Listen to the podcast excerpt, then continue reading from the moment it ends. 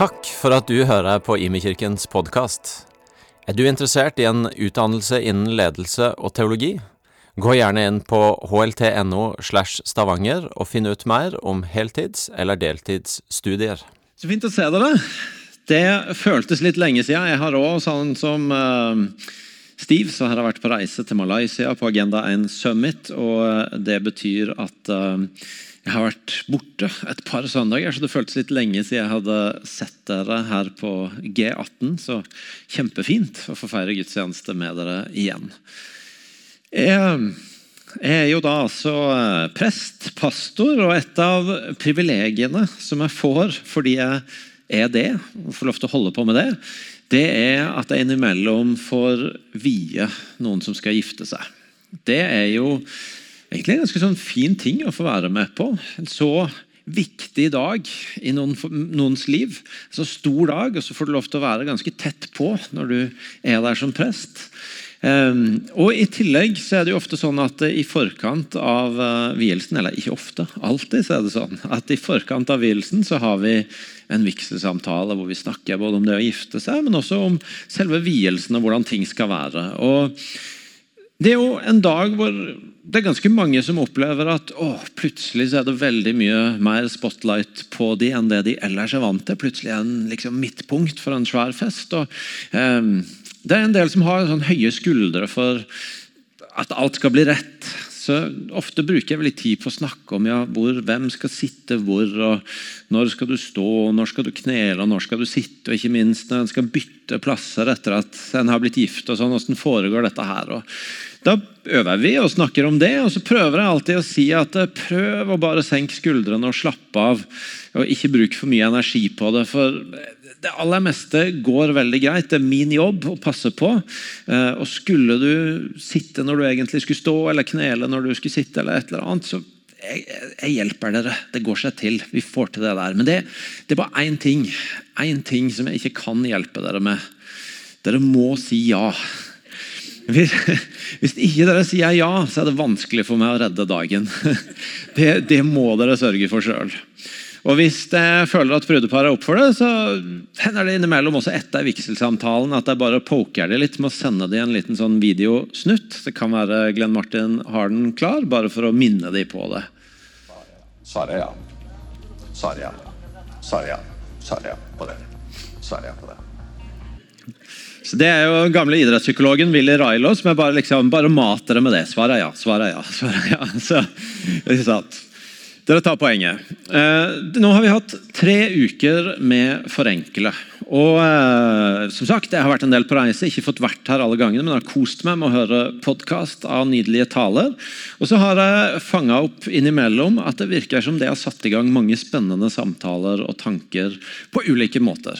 Og Siste onsdag så uh, var jeg i Huskirka, og der var det noen som satte ord på at uh, disse tingene her de har satt i gang ganske sånn dype refleksjoner på gjerne ting som en satte ut med en måte å leve på. Og så har det skjedd ting underveis som har gjort at en gjerne har sklidd litt på noen verdier, noen måter en ønsker å leve i forhold til verdi og ting en eier. og sånne ting. Og Litt det han Therese snakka om første gang, med den frykten for at livet bare blir sånn. Og så har disse her tinga satt i gang noen sånne ting. Og Så var det en annen som var litt mer sånn var ærlig på at han, han strevde litt med dette her eh, fokuset på, på på ting og på å forenkle. Han sa liksom, er det sånn at hvis, hvis, jeg og Jesus hadde møttes i dag og vi hadde fått en prat, at det han hadde vært opptatt av, var om jeg hadde rydda i garasjen? Som skal dog sies at eh, etter forrige søndag, når Geir hadde talt, og jeg satt i Malaysia og snart skulle reise hjem, så kom det melding fra min kone. Nå har jeg fått et argument du ikke kan stå imot for at vi må rydde i garasjen. Gå inn og hør talen til Geir. Så om det er åndelig manipulering eller god praktisk anvendelse, det får være opp til dere å eh, bestemme. Men eh, det kan òg være en effekt. Uansett, jeg tenker at dette med å forenkle det kan en begrunne og se sin hensikt i på flere måter. Blant annet så var Geir innom sist noe som nok er underkommunisert i våre sammenhenger, nemlig at det er en bit i det som handler om å ta vare på skaperverket. Eh, og på det oppdraget Gud har gitt oss for å passe på den jorda vi er gitt. Ehm, men så har jeg også tenkt på det at det er en måte å tenke om dette forenkle på. det er at vi, vi skjærer bort noen ting for at Nå glemte jeg at jeg hadde fått beskjed om å holde på med denne her sjøl. Ehm, ehm, at vi skjærer bort noen ting for at det som er viktig for oss, det som eh, virkelig har verdi, om du vil, det som vi skal gi et tydelig ja til, at det blir enda mer skarpstilt og tydelig hos oss. Til disse her brudeparene som jeg snakka om i stad, så er det noen ganger jeg snakker i vigselstalen til de om det med at i dag så er svaret ja. Og så er det mange, flere ting å si rundt det, men da sier jeg også alltid at i dag er svaret ja. Men hvis det, det ja-et skal bli stående, så er dere nødt til å beskytte det i åra som kommer, med mange nei. Hvis det ja-et skal fortsette å være sterkt og klart og tydelig, så er det nødt til å bli fulgt opp av en god del nei. Og Der er det noe i denne dynamikken med å forenkle, av å skjære bort noen ting, av å si nei til noen ting, av å kvitte seg med noen ting, for at de tinga som er aller viktigst, de tinga som vi ønsker å si et tydelig ja til, at de skal få bli enda skarpere i livet vårt. Jesus han sier i Matteus 6,21 at der skatten vår er, der vil hjertet vårt være. At det er en sammenheng mellom hva vi gir et tydelig ja til, hva vi synliggjør at vi verdsetter, og hvor hjertet vårt følger etter. Og Det sier Jesus i en kontekst hvor han i de to versene før har sagt at dere skal ikke samle skatter på jorda, hvor møll og mark ødelegger, og hvor tyver bryter inn og stjeler. Men dere skal samle skatter i himmelen, der verken møll eller mark ødelegger, og tyver ikke bryter inn og stjeler. Jesus sier disse ordene, at der skatten deres er, der vil hjertet deres være. I en veldig konkret, materiell kontekst av hvilke skatter vi samler oss. Og det som han sier at Dere må si et tydelig ja til det som kommer fra himmelen, til det som er av Gud. Hvis dere ønsker at det er der skatten deres skal være. og Da kan det være at dere også må si nei til noen av de materielle her og nå-tinga som kan komme inn og gjøre det ja-et til det som kommer fra himmelen, utydelig. Og Hvis du vil ha en annen variant på det, så har du Stephen Cowie, som har skrevet 'Seven Habits of Highly Effective People'. Skikkelig sånn selvhjelpsbok. Eh, men han skriver noe som er ganske bra i denne sammenheng. Han skriver at du må bestemme hva som er dine høyeste prioriteter, og ha motet, vennlig, smilende og uten å unnskylde deg, til å si nei til andre ting. Og Måten du gjør det på, det er å ha et større ja som brenner på innsida di. Det er ganske bra sagt.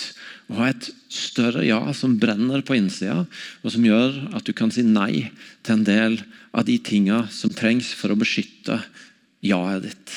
Det store ja-et i livet ditt. Steve fortalte i stad om at vi har vært i Malaysia og truffet kirkeledere fra mange forskjellige nasjoner.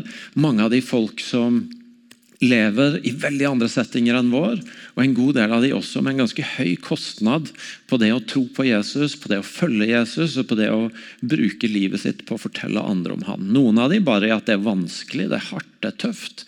Eh, men andre også i konkret forfølgelse og med fare for å bli utsatt for alt fra tortur til å sette livet på spill. En av de som vi møtte i år, og som vi også har møtt tidligere år, det er en utrolig inspirerende fyr som heter Jia. Han kommer fra Bangladesh. og Han har hatt uh, en radikal omvendelse og en skikkelig sånn evangelisttype. Det er han på mange vis, først og fremst med Jesus, men det var veldig morsomt, for når vi traff han nå, så hadde han også, eh, også tatt med seg en del dongeribukser han ville dele ut som gave. Så Han gikk bl.a. til Kjartan, som jobber her, og kikka veldig på han og på livet hans. og Veldig sånn fram og tilbake. og når han endelig tok mot til seg og spurte liksom, hva er, hva er vidden din, og Kjartan svarte så 'Praise God! Praise God!' Og så fikk Kjartan ei dongeribukse. Men eh, det viktigste, det som er enda tidligere, det er altså at han har en utrolig fremodighet på evangeliet. Og I fjor så filma vi Gia, og en del av dere har sett det, for vi tok det med i den sesong to av Sprengkraft. Men jeg hadde lyst til å bare vise et lite minutt av det Gia sier til dere en gang til.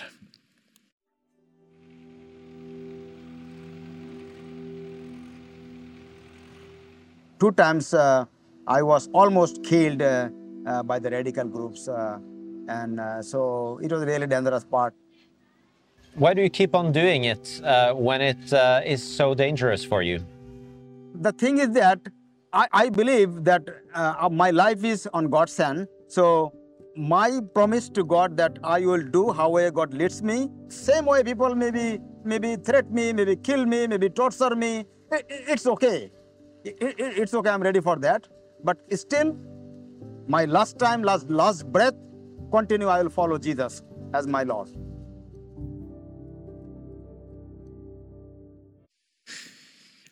Det er ganske heftig det Gia sier om hva han er villig til å eh, risikere for å følge etter Jesus. Og så er Det litt sånn, det er vanskelig, altså, den der greia med å liksom idyllisere de som lever under veldig andre forhold. For det første så kan det være litt farlig, fordi jeg tror ikke det er vanskelig for oss å helt ta inn over oss hva det koster for dem. Og det andre er at jeg tror, ikke liksom, jeg tror ikke svaret for oss er at vi skal gå og ønske oss at vi skal på en måte få, uh, få bli stilt på de samme valgene uh, som det de må. Men jeg tenker at det er noe i å la seg inspirere av Gia, som har et så tydelig ja i livet sitt. Han har sagt ja til å følge Jesus. Og dette, for å være i Stephen Cowies språk, det ja-et som brenner på innsida hans, det gjør at han også sier nei til de tingene som forsøker å presse han vekk fra det eh, på ulike måter. Hva er det store ja-et i livet vårt? Når jeg underviser på Akta bibelskole, så har det hendt noen ganger opp gjennom åra når vi har sånn Q&A-sesjoner, at jeg får spørsmålet hva er meninga med livet? Og Det er jo et herlig spørsmål å få slengt ut en sånn tirsdag etter lunsj. Lite og enkelt eh, spørsmål å bare eh, ta et, et svar på. Men eh, faktisk, når jeg forberedte meg nå, så eh, skrev jeg, skrev inn på Google 'Hva er meningen med livet?' Eh, og Det første som kom opp da, det var Store norske leksikon. og Der står det mye, og jeg kan ikke ta alt. Men én ting som var litt interessant, var at der sto innenfor nyere filosofi så er det blitt vanlig å skille mellom spørsmålet om meninga med livet og spørsmålet om mening i livet. Det første spørsmålet handler om livet har et eksternt formål, mens det andre spørsmålet handler om ens liv kan være verdifullt og gi grunner til å fortsette å leve. I slike tilfeller snakker man også om meningsfullhet som en type verdi man kan ha i livet sitt. Jeg tror ofte at når folk blir spurt om hva er meninga med livet, så griper vi fatt i sånne, den siste varianten som det står om i den, eh, den versjonen der. Være med familien min, eller å eh, nyte naturen. Og, og sånne ting som, som er vel og bra, men, men, men så begynte det med men, dette eksterne formålet med livet, noe med mening med livet som kommer utafra, og ikke bare er noe vi finner i ting vi liker. Og Jeg bruker ofte å svare med at helt sånn grunnleggende sett så tenker jeg at en måte å tenke om meninga med livet, forstått som det livet vi er skapt til å leve og vil, vil oppleve dypest mening med, det handler om relasjon og retning. Vi er skapt til å leve i relasjon, og vi er skapt til å ha en retning på livet. Hvis du går tilbake til skapelsesberetninga, de helt første kapitlene i Bibelen, så ser vi at der menneskene er skapt, så er det så er de i Edens hage.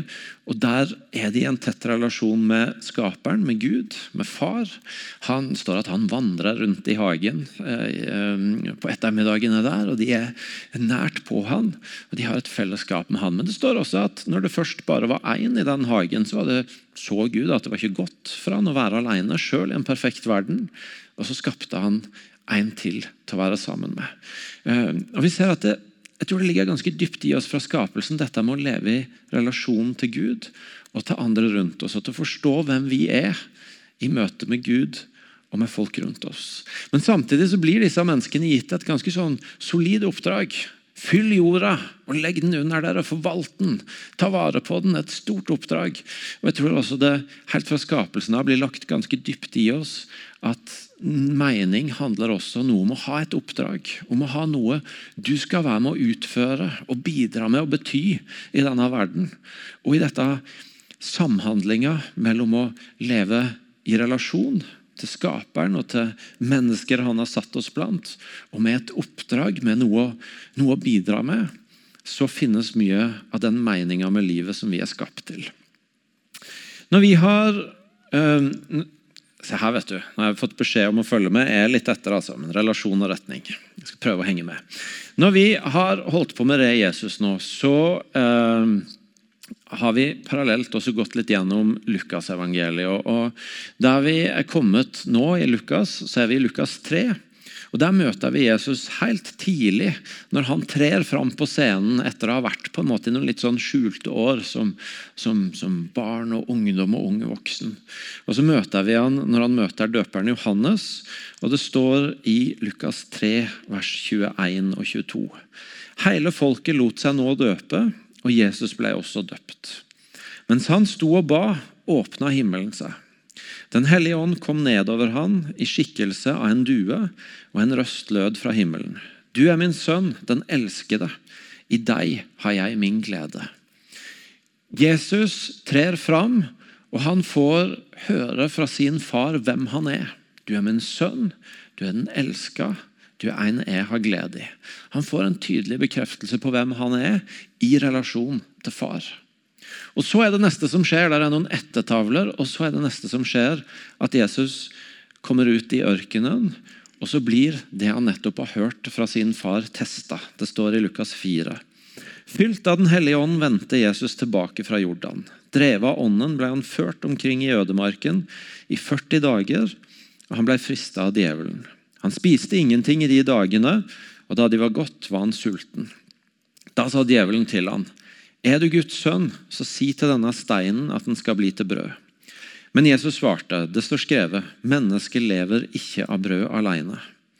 Så førte djevelen han høyt opp og viste ham på et øyeblikk alle verdens riker, og sa til han, jeg vil gi deg all denne makt og herlighet, for makta er gitt i min hånd, og jeg gir den til hvem jeg vil.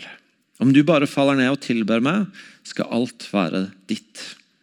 Men Jesus svarte han, det står skrevet, Herren din Gud skal du tilbe, og Han alene skal du tjene.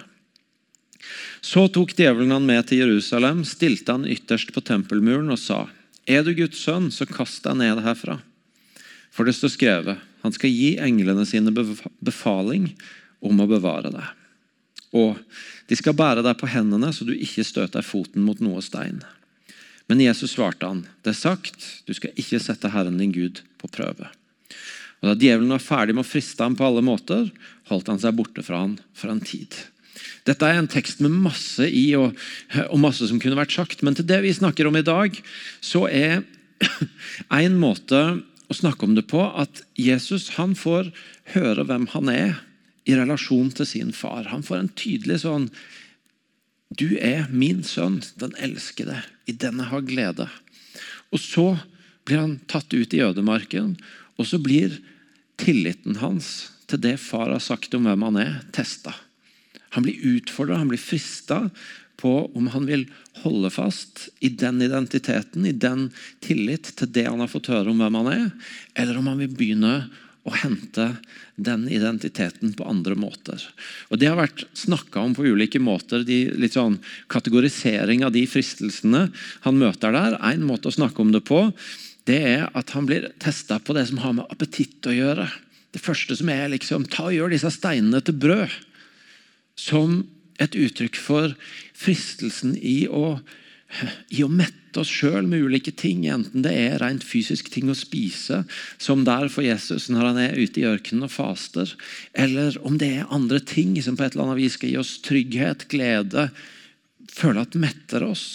Og som på den måten eh, på en måte, I stedet for å bare holde fast i at tryggheten min er i at jeg er Guds sønn, den elska, så kanskje litt i å sikre meg at jeg får ting som på et eller annet vis metter appetitten min. Men det andre er ambisjonen. Det neste han får beskjed om, er at hvis han bare vil tilbe fristeren, hvis han bare vil tilbe djevelen, så skal han, eh, bli, gitt, eh, så skal han bli satt til å være At alt det som han ser foran seg, skal være hans. Ambisjonen om å få en posisjon, om å, om å bli gitt noe å råde over, om å klatre i gradene. Som kan være en annen sånn fristelse til å finne tillit til noe annet enn 'du er min sønn, den elskede'. Nemlig at jeg har en posisjon, jeg har, jeg har oppnådd noen ambisjoner, jeg har, fått, eh, jeg har fått en plass.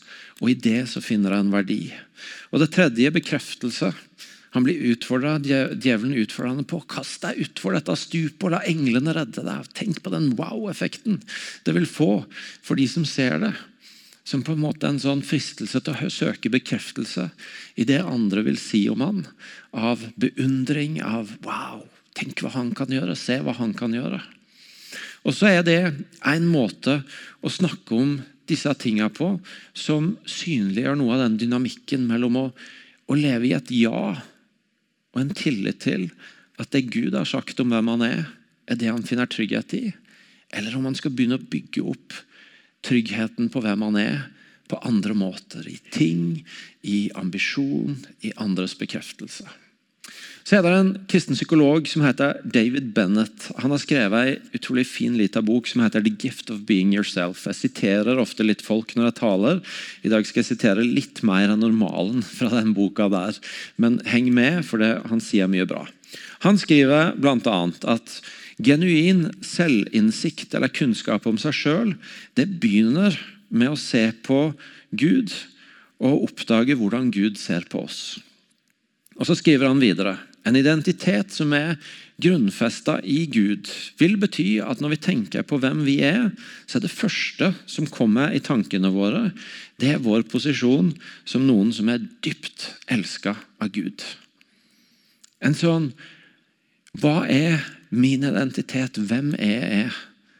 Hvis den får lov til å leve i den tilliten som Jesus beskytta når han sto imot fristelsene, av å hente det fra hva far sier om han, så er det den der eh, Først og fremst så er jeg en som er dypt elska av Gud. Og Der står noe av fighten vår ikke sant? mellom å si et ja til å leve i tillit til det, eller å la noen av disse her støttegreiene i ting, i ambisjon, i andres bekreftelse, få begynne å klusse med det svaret. Og Så kan det hende du leser det og tenker at dette er litt sånn søt søtladent å bare dyrke liksom det med at jeg elsker Gud, og, og, ikke ta på alvor at vi er ganske sammensatt. og Det er, det er ting å si av oss sjøl som vi kan synes det er vanskelig å tenke at det er elskbare. Og Da sier Benner noe om det òg. Han skriver at det å komme til et sted hvor en stoler på Guds kjærlighet, det er en livslang prosess. Det er ikke noe som bare skjer i et øyeblikk, men det er en livslang prosess å komme dit. Og så skriver han hver gang jeg tør å møte Gud i sårbarheten av min synd og skam, så er denne kunnskapen om at Gud elsker meg, den blir styrka.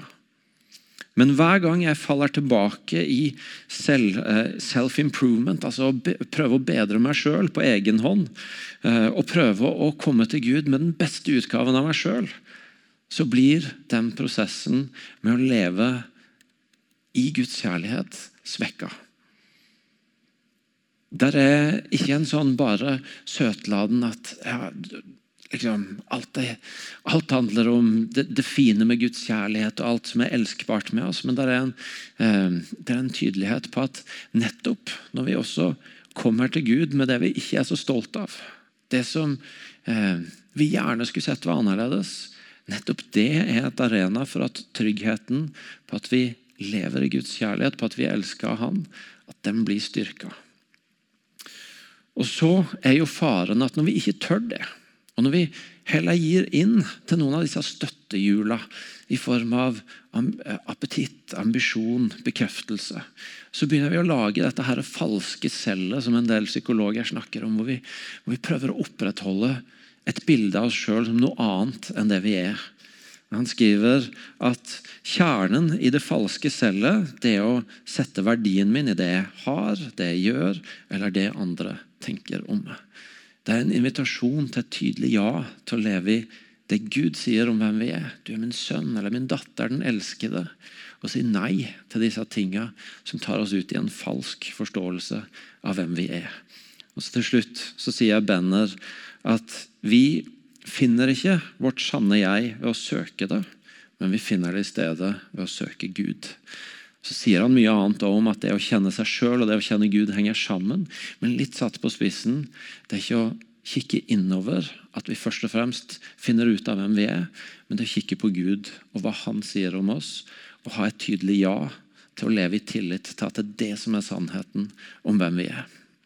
Når Jesus kommer ut av ørkenen, ut av fristelsen, så skjer det noe nytt. Da står det i vers 14, Lukas 4. I åndens kraft vendte Jesus tilbake til Galilea, og ryktet om han spredde seg over hele området. Og Så står det om hvordan Jesus kommer til synagogen, og hvordan det blir tatt fram en skriftrull fra profeten Jesaja. Og Der står det Herrens ånd er over meg, for han har salva meg til å forkynne et godt budskap for fattige. Han har sendt meg for å rope ut at fanger skal få frihet og blinde få syn igjen, for å sette undertrykte fri og rope ut et nådens år fra Herren. Fanger skal få frihet, blinde skal få syn igjen. Godt budskap for fattige. Og så sier Jesus når han lukker sammen skriftrullen, i dag er disse ordene oppfylt. Det er en bevegelse i teksten, i historien om Jesus, fra at han får en tydelig forståelse av hvem han er. Du er min sønn, den elskede. Og at han står imot testen på å på en måte eh, skli bort fra den forståelsen av hvem han er, til at det blir tydelig også hva som er retninga. Hvorfor han er der, hva som er hans oppdrag, hva han skal. Leser profetien om godt budskap for de fattige, om fanger som skal få frihet. Og så sier han dette er grunnen til at jeg er her. I dag er disse ordene blitt oppfylt. Dette er mitt oppdrag. En bevegelse fra et ja til Guds sannhet om hvem han er, til en trygghet i også hva er kallet hans? Hvorfor er han der? Hva er det han skal bidra med her på jorda? Og igjen, da.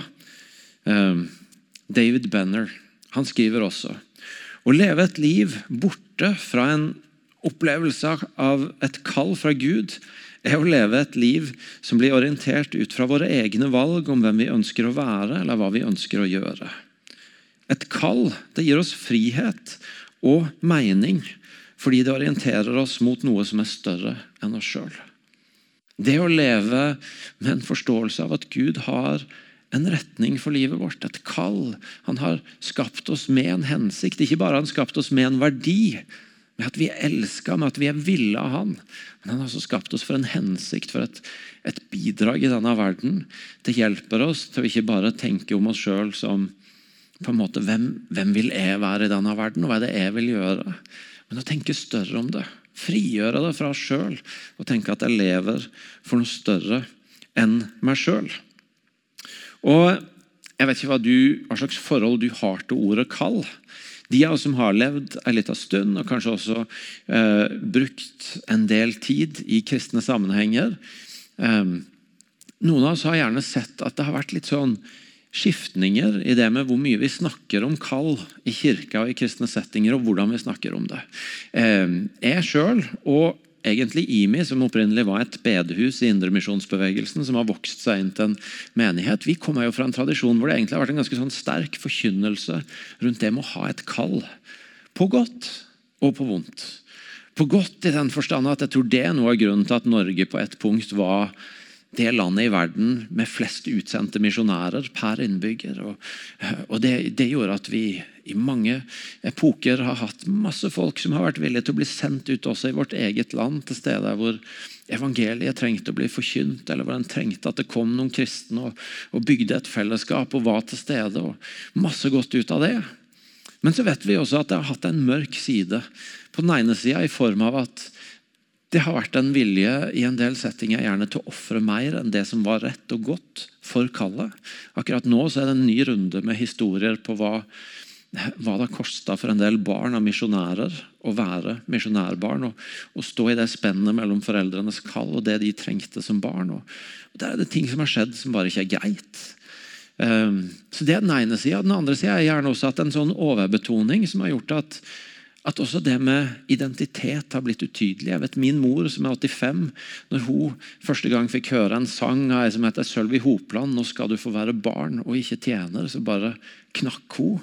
Fordi at eh, så mye av det hun hadde Den, den, den måten hun hadde eh, eller hørt om, om kallet på, gjerne over tid hadde blitt en veldig sånn sterk betoning av det å tjene framfor det å ha en trygghet i å få lov til å være Guds barn.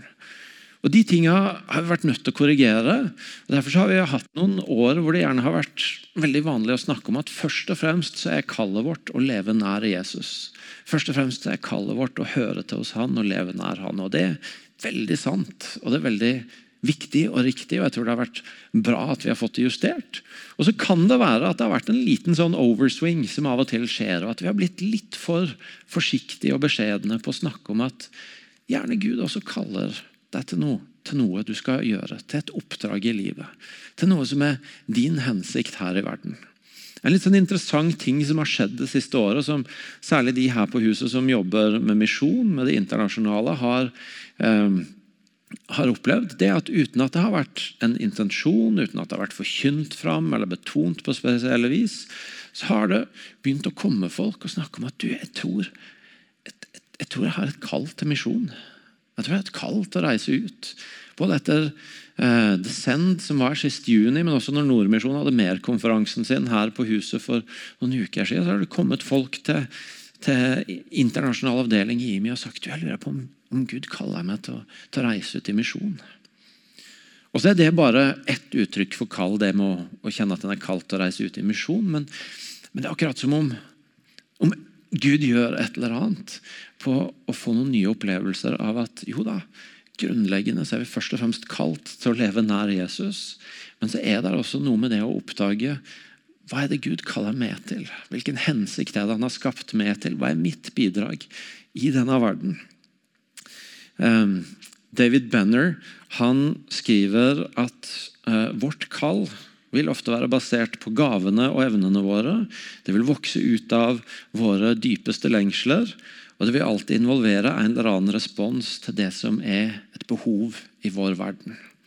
Og så er det en som heter Fredrik eh, Buchner, som skriver eh, det Gud kaller deg til, er det stedet hvor din dype glede og verdens dype hunger eller nød møtes. Og Det er jo et spennende sitat å reflektere på. Jeg tipper at inni dette rommet så har vi veldig ulikt forhold til kallet. Jeg kjenner en del av dere, jeg vet at det er en del av dere som har noen tanker om hva er det Gud har sagt til meg? Hva er det jeg kjenner at Gud har lagt meg på hjertet? Hva er det som Stephen Cowie ikke sant? Han snakka om det ja-et som brant på innsida. Noen av dere har allerede gjort dere noen erfaringer, noen tanker, tatt noen steg med det. Jeg vet også at en del av dere har tatt en del tydelige valg på det.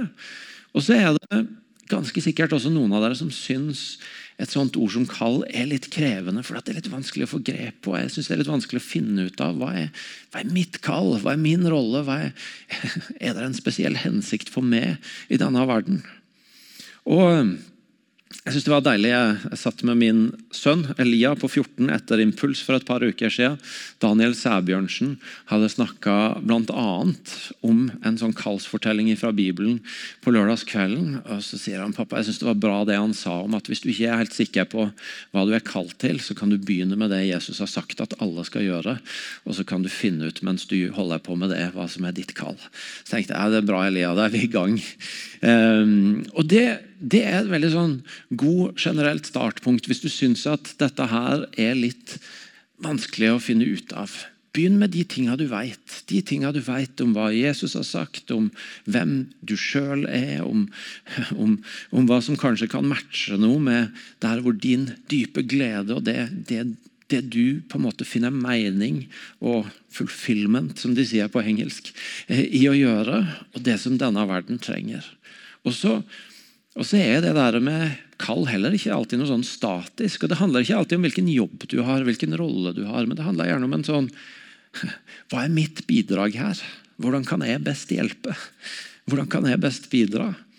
Og så, og så er det gjerne i utvikling, og noen ganger må vi kanskje ta litt steg tilbake og spørre på nytt. Mm, hva er det nå? Jeg vet at jeg sjøl har, har, hatt en runde de siste åra hvor jeg har fighta litt med mitt kall. og på et punkt så, så, måtte jeg bare skjære det tilbake. og Prosessen tok meg dit at jeg tenkte det er to ting jeg i hvert fall vet da, uh, ut av der jeg er nå. Jeg vet at jeg er kalt til familien min, og jeg vet at jeg er kalt til dette fellesskapet. Litt sånn uavhengig, Det er ikke så farlig hvilken rolle jeg har her. Akkurat nå så er jeg pastor her og har, har ikke noen andre planer enn det heller. Altså. Men, eh, men, men, jeg vet at jeg kalte familien min, og jeg kalte dette fellesskapet og til å være en del av det og til å bygge det. Og så måtte jeg på en måte skrelle litt tilbake. og så Når jeg har gjort det, så har jeg kunnet begynne å bygge litt på igjen noen ting jeg tror jeg vet om hva som er min rolle i denne verden, om hvorfor jeg er her, om hva som er min retning. Men poenget mitt er å si det er en prosess å finne ut av. Det er ikke statisk. Hvis du syns det er litt utfordrende å finne ut av, så, eh, så, ikke, så, så på en måte begynn med det du vet. Og la det bli tydeligere underveis. Hva er ditt store ja? Hva er ditt store ja med tanke på hvor du henter svaret på hvem du er? Og hva er ditt store ja forstått som hva skal du få lov til å skjære bort, sånn at det du er her for, det som er din hensikt, blir skarpere. Og kanskje noen av de tingene som av og til kan bedøve den følelsen litt, som vi fyller opp som meningsfullt, eh, må skjæres litt bort for at det blir enda tydeligere. Hvorfor er jeg her? Hvem er jeg, og hvorfor er jeg her? Hva er det jeg sier ja til? Og Nå er det siste søndag i eh, denne forenkleserien. Men fokuset forsvinner jo ikke. Og prosessene som er satt i gang, stopper ikke. Og, eh, I dag er det fastelavnssøndag. Jeg så at ute i Imitator så var det herlige fastelavnsboller. Eh, og på onsdag så er det som gjerne kalles for askeonsdag. Da begynner fastetida. Den tida inn mot påske hvor en forbereder seg eh, mot å feire Jesu døde oppstandelse. Og Det er en tid som er kjennetegna nettopp av at en sier nei til noen ting for å gi større rom til noe annet. Og kanskje skulle du i fastetida Noen av dere har gjerne et forhold til det, og for andre så er det sikkert litt sånn fremmede greier. Men kanskje skulle du i denne fasen eh, nettopp tenke på noen ting du vil sette litt på vent i livet ditt. Si nei til. Trekke fra. Noen gjør det med mat, andre gjør det med sosiale medier eller nyheter. Eller andre ting du har lett for å fylle deg med. For å være i denne prosessen av å tydeliggjøre hva er mitt ja? Hvor henter jeg forståelsen av hvem jeg er fra? Og hva er mitt ja i forhold til hva er hensikten med livet mitt? Å bruke fastetida også til å rydde rom, til å gi plass til de spørsmålene. Og så tror jeg at Skal vi komme nærmere svarene, så må vi også gjøre det i fellesskap. Derfor har vi selvfølgelig som vi alltid har, laget noen spørsmål til huskirkene. Først og fremst så finner du alle ressursene til dette på rejesus.no. Gå inn der og finn alt til, som ligger av ressurser. Og så skal du også få de tre spørsmålene jeg har laget til huskirkene, eller der du måtte prosesse dette for denne uka. Og Det første er rett og slett hva er dine store ja i livet? Og Det andre er om disse ukene med forenkle har lært deg noe om ditt ja. Og Det tredje er om det er noe du vil forenkle eller si nei til de neste ukene for å klargjøre ja-et ditt. Skal vi reise oss opp og be sammen?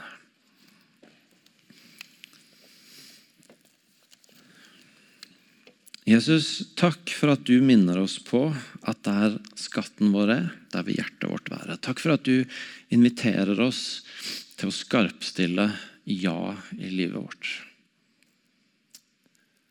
Og Takk for at du viser oss en vei hvor vi kan si ja til det Gud sier om oss, det Far sier om oss. At det får lov til å være sannheten om hvem vi er.